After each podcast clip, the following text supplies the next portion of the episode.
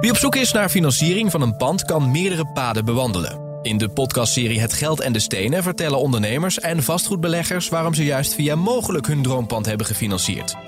Luister de podcastserie via bnr.nl of je favoriete podcast-app.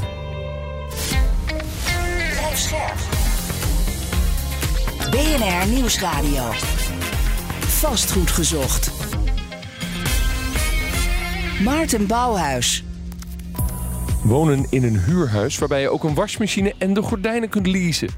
En met één simpele swipe haal je ook de schoonmakers in huis. Hiermee wil onze gast de huurmarkt een heel stuk klantvriendelijker maken. De vraag van deze week: zit de vastgoedsector wel te wachten op dit soort nieuwe concepten? Dit is Vastgoed Gezocht, jouw wekelijkse update over de wereld van de stenen. Je hoort ons natuurlijk eh, ja, elke maandagmiddag, maandagavond op BNR en altijd online via jouw eigen podcastplayer. Maarten de Gruiter is uh, voor zaken uh, in het buitenland. En naast mij staat Lotte de Jong van Seffels Nederland. Dag Lotte, fijn dat je er bent. Um, ja Lotte, we moeten echt even beginnen met uh, eigen nieuws van BNR. Bijna alle woningbouwverenigingen willen extra verdiepingen plaatsen bovenop bestaande woningen. Het zogeheten optoppen. Nou, soms, sommigen gaan hiermee zelfs al beginnen. Dat klopt. Ja, BNR deed navraag bij 50 van de grootste woningcorporaties. Eigenlijk bijna allemaal zijn ze aan het inventariseren of ze bovenop de bestaande woningen één of meerdere verdiepingen kunnen uh, bouwen. Dat is wel spannend. Ja, ja dat is heel spannend. Um, en ook wel begrijpelijk als je kijkt naar de, de ambities die er zijn uh, op het gebied van uh, het, het, realiseren van nieuwe woningen. voelt soms een beetje als een soort van kat in het nauw gevoel krijg ik erbij. In alle hoeken um, zijn ze aan het proberen om, om aan de vraag te voldoen. Um, als je kijkt naar de woningcorporatie, heeft vijf van hen uh, al concrete plannen liggen ook op het moment. En uh, de jongen zei al eerder dat hij dit wil gaan stimuleren. En hij denkt hier meer zo'n 100.000 extra woningen te kunnen realiseren. Ja, dus van zijn 900.000 moeten er 100.000 uit het optoppen komen. Onze collega's dus, BNR, hebben navraag gedaan. onder meer in Groningen, Leeuwarden, Beverwijk. Daar zijn ze al heel concreet met hun plannen bezig. Grote voordeel is natuurlijk dat er dan geen schop in de grond hoeft. Kan ik me zo voorstellen.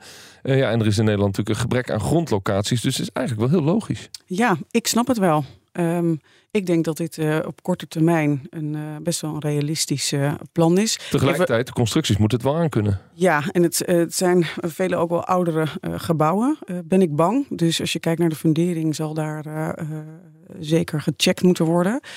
en waar ik me ook nog wel zorgen over maak, zijn de rechten ook van huurders. Hè? Dus op het moment uh, dat dit soort plannen komen en je bent op dit moment de bovenste bewoner, ja, uh, dan kan er bezwaar gemaakt worden. En dat kan echt ontzettend lang duren. Dus je kan je afvragen in hoeverre er op korte termijn ook een start gemaakt kan worden met dit soort projecten. Ja, er zitten huurders in woningen, maar die hebben wel rechten, zullen we ja. zeggen. Ja. Een ander bericht waar je het nog eventjes over wil hebben is de kantorenmarkt. De belegger moet rekening houden met harde klappen. Wie stelt dat? Dit stelt Piet Eichholz. Hij is hoogleraar aan de Universiteit van Maastricht op het gebied van vastgoedfinanciering en beleggingen. Um, en waar ik eigenlijk op wil inzoomen is eigenlijk de extra leegstand die gaat ontstaan. Uh, toch nog steeds vanuit de COVID-gedachte dat mensen meer gaan thuiswerken. Uh, verkapte leegstand, weliswaar. Um, en ik wilde dit bericht graag aanhalen, ook in lijn met onze gast van vandaag omdat ik heel erg benieuwd ben hoe hij kijkt naar het transformeren van leegstaande kantoorpanden naar woningen. Um, ik ben bang dat eigenlijk het laaghangend fruit, uh, wat betreft uh, leegstaande kantoorpanden, dat die langzamerhand allemaal wel getransformeerd zijn.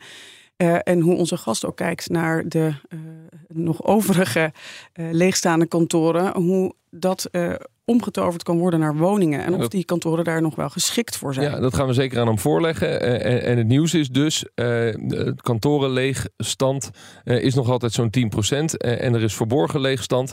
En dus gaan er klappen vallen lees. Er komt een waardedaling van dat vastgoed. Ja, met tientallen en, procenten. Tientallen procenten, ja. zegt Piet Eichholz.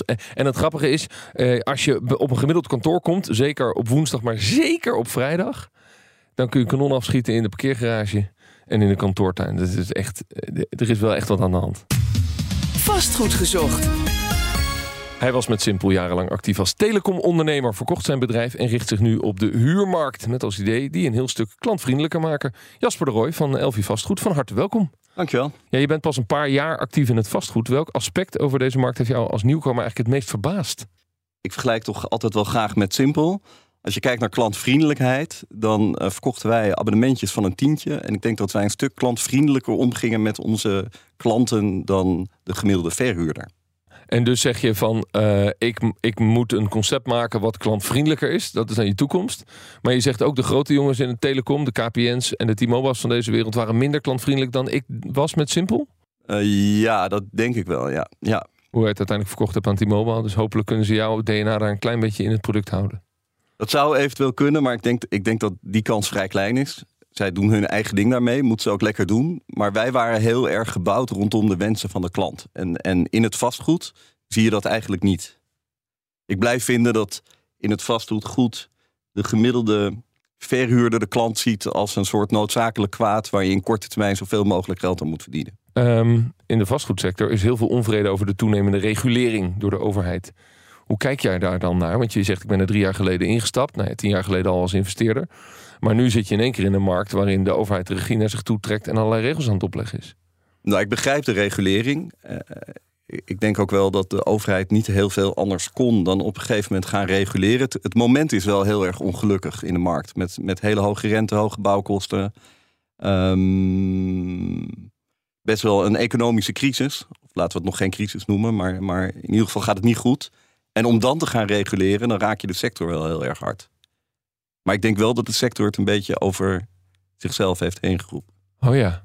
Ja, want dat is het eerste gedeelte van je zin. Uh, dat zegt iedereen hier in de studio. Namelijk, we raken de sector heel hard en we zijn aan het reguleren terwijl de markt uh, de andere kant op kantelt. Maar het tweede gedeelte van de zin zegt niemand. Nou, als de sector heeft over zichzelf afgeroepen. Als investeerder deed ik hetzelfde. Ik verkocht, ik had veel woningen in de ring, uh, binnen de ring van Amsterdam, Rotterdam, Den Haag, Utrecht. En um, ik probeerde vaak toch woningen te kopen van, uh, met kleine huurtjes. Wel kleine portefeuilletjes, maar laten we zeggen 10, 15 woningen per keer. En uh, dan probeerde ik de huurder eruit te kopen op een nette manier. En dan zette ik een nieuw keukentje in, een nieuwe vloer. En dan gooide ik de huur omhoog. Ja, dan krijg je op een gegeven moment voor eigenlijk relatief kleine woningen, wel op een goede locatie. Ja, ik denk toch irrationele huren. Ja, ja. En dan, en dan hoe kijk je daar dan terug op dat gedrag van jezelf? Hoe kijk je daar dan op terug? Nou ja, god.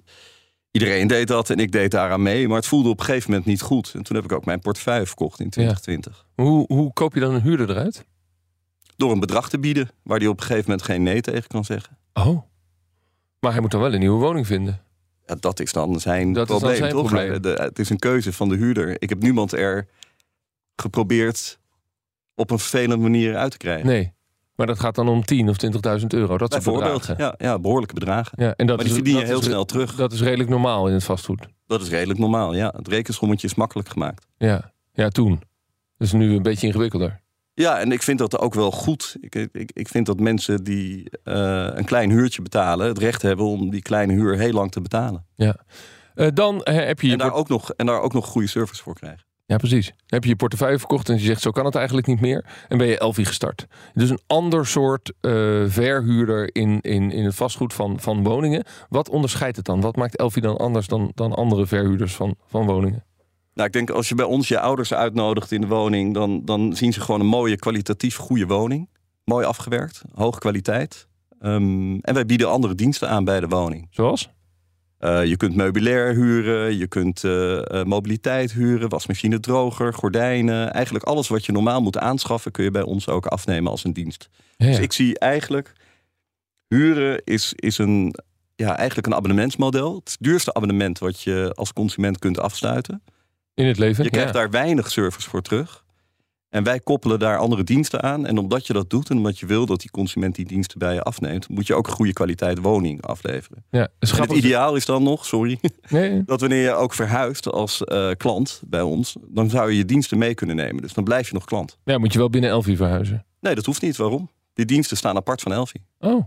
Dus als ik dan naar een andere uh, particuliere verhuurder ga, dan neem ik jouw diensten mee. Ja. Mijn gordijnen en mijn wasmachine. En jij komt die gordijnen wel op maat maken. Zeker. Ja. Um, je hebt het over abonnement, diensten, services. Mhm. Mm -hmm. Dan begint eigenlijk bij mij ook al een beetje een radartje uh, te lopen. Want hoe verwerk je de diensten die je aanbiedt uh, in je, bijvoorbeeld in je servicekosten? Want servicekosten mogen niet winstgevend zijn. Het staat uh, we hebben er een apart merk voor. Okay. En het, staat, het heet Ikkie en dat staat los van Elfie. Aha, maar en, en hoe, hoe je bent ook wel verplicht om het af te nemen. En het zijn ook allemaal echt goede aanbiedingen. Dus ja, en het, het, staat ook los van de servicekosten die bij een appartement komen. Ja, exact. Ja, dat wilde ik weten. Ja, zeker. Anders zou het niet kunnen. Je kan niet verplicht hoge servicekosten in rekening brengen. Nee, en eh, hoeveel, hoeveel diensten nemen gemiddelde huurders af? Nu gemiddeld drie, maar ik vind ook dat, dat nog niet alle diensten even goed zijn. En wat zijn de meest populaire dan? Wasmachine, droger, gordijnen. Terwijl je op zich voor eh 300, 400 euro een wasmachine kunt kopen. Bij de, bij de Coolblue. Ja, maar mensen vinden, het dan, mensen vinden het dan toch lekker om voor 30, 35 euro per maand een wasmachine droger te huren. Ja, de- de- Zoveel. Die dan ook dat weer veel na, een jaar, na een jaar eh, ben je, je bent na een jaar al goedkoper uit als huurder. Laten we zeggen anderhalf jaar voor een goede droger. Ja, maar niet iedereen maakt dat rekensommetje. Is het echt zo simpel? Zo simpel is het. Of hebben mensen het kapitaal niet? Dat zou ook kunnen natuurlijk. Want wat voor huurders zitten er dan vooral in? Jonge mensen? Of, Jonge mensen gezinnen tussen de ook? 25 en de 35 over het algemeen. Ehm, en dat is, dat persoonshuis. is een generatie die ook gewend is te huren, te leasen, te delen. Ehm, af en toe met een kind, één of twee kinderen. Ja. ja, vanuit welke behoefte in de markt, welke vraag ben jij, eh ben jij Elfie gestart? Dus van, puur vanuit jezelf dat je, dat je zegt van ik vind dat er, dat er meer service en meer eh, klantgerichtheid moet zijn binnen de vastgoedsector. Nou, mijn, mijn broer Jeroen die is begonnen met, eh, met ontwikkelen. En die heb ik in het begin gewoon een beetje geholpen. En toen dacht ik van nou, ik, ik, ik wil hier wel een bedrijf van maken. En het kan ook wel echt heel klantvriendelijk. En toen ben ik het een beetje gaan vergelijken met telecom. En toen ben ik, ben ik met die diensten erbij gekomen. Je hebt nu ongeveer zo'n eh, 100 woningen in beheer en je bent er heel veel aan het ontwikkelen. Wa- Wat is dan een typische Elfie-woning? Tussen de 55 en de 70 meter. eh één grote slaapkamer, één kleine eh, slaapkamer. Apart toilet, mooie badkamer, goede keuken erin. eh, stevige deuren, mooie plint, veel stopcontacten. Gewoon een mooie woning. Ja, iets wat iedereen wil. En als ik dat in Amsterdam of, of in Haarlem eh, wil, wil eh, huren, dan zie ik vaak een prijs van 1500, 1800 euro. Ja, wij zitten, daar, wij zitten daar denk ik significant onder. Namelijk, Rond de 1200 euro. hoe kan dat uit dan? Want dat is wat iedereen hier aan tafel bij mij zegt. Dat kan niet uit. Zeker niet met de huidige box 3 regels. Ehm, nou, het kan, het, het kan uit op de woningen die we nu al in eh, verhuur hebben. Want die hebben we gewoon eerder opgeleverd. Ik denk op de huidige woningen, de nieuwe woningen. Kijkend naar de huidige rente en de bouwkosten. Dan kom je daar denk ik niet mee uit. Oh, dus dat wordt in de toekomst wel een probleem. Voor de vrije sector eh, zal het wat duurder zijn, ja. Ja, nou laten we dat straks nog eens even uitdiepen met elkaar. Wonen dus als abonnement, daarover gaat het in deze aflevering van Vastgoed Gezocht. Elfie bouwt goedkopere appartementen op plekken waar nog niks staat. Maar is ook actief in het transformeren van bestaande objecten.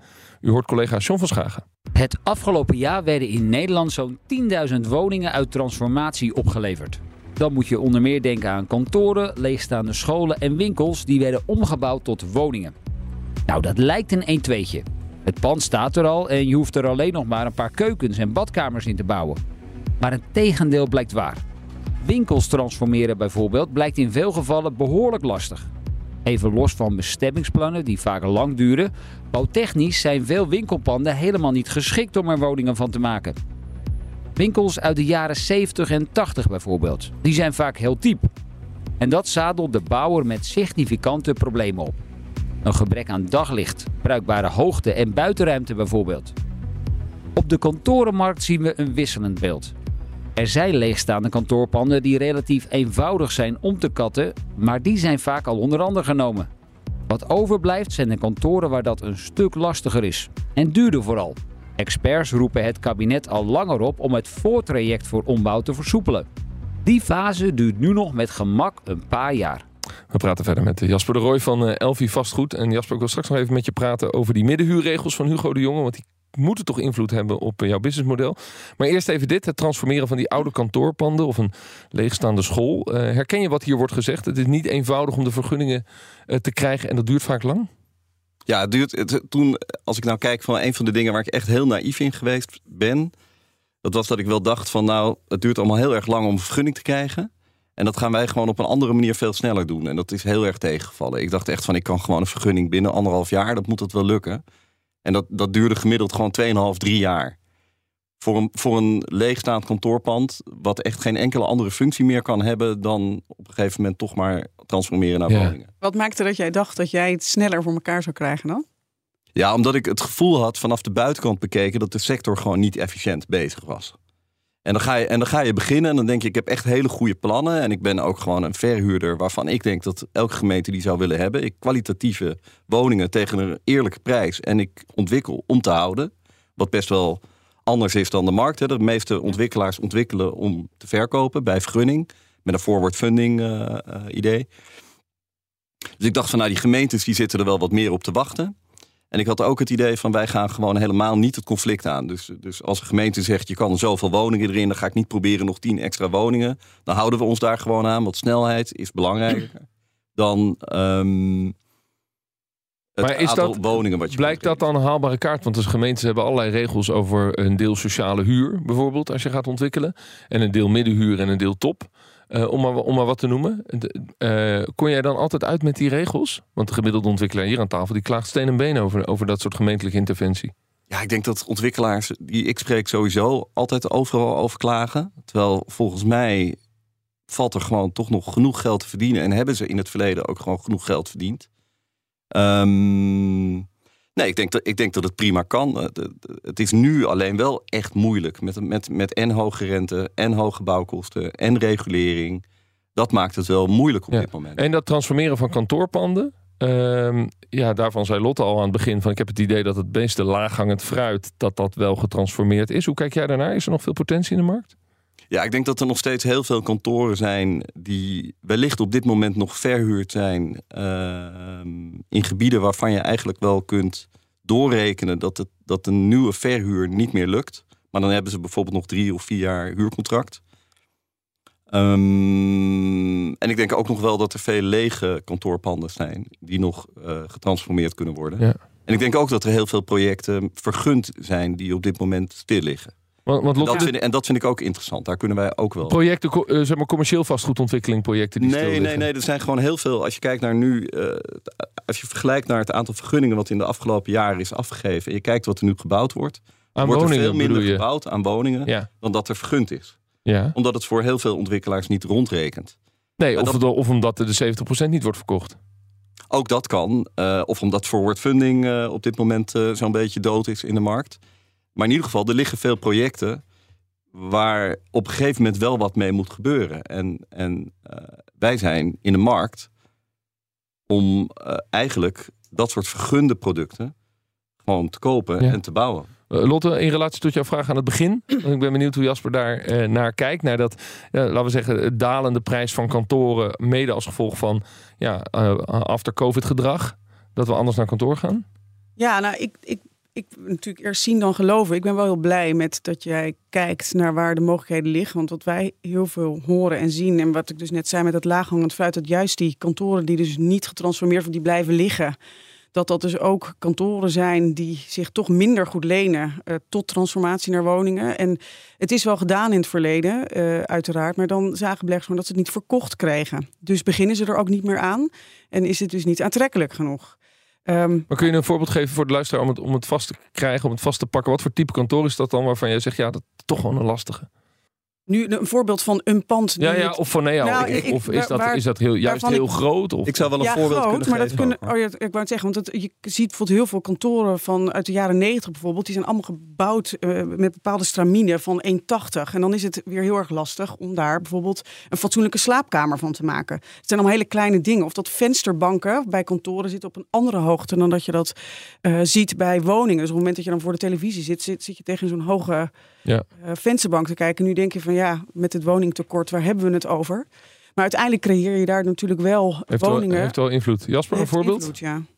Nou, ik denk ook heel erg regiogebonden. Want uiteindelijk heb je een bepaalde meterprijs, opbrengst per meter nodig. En, en wanneer je in een gemeente zit waar je een woning voor 2.500 euro per meter koopt, dan, dan is een transformatie van een kantoor qua kosten, dat komt gewoon bijna niet uit.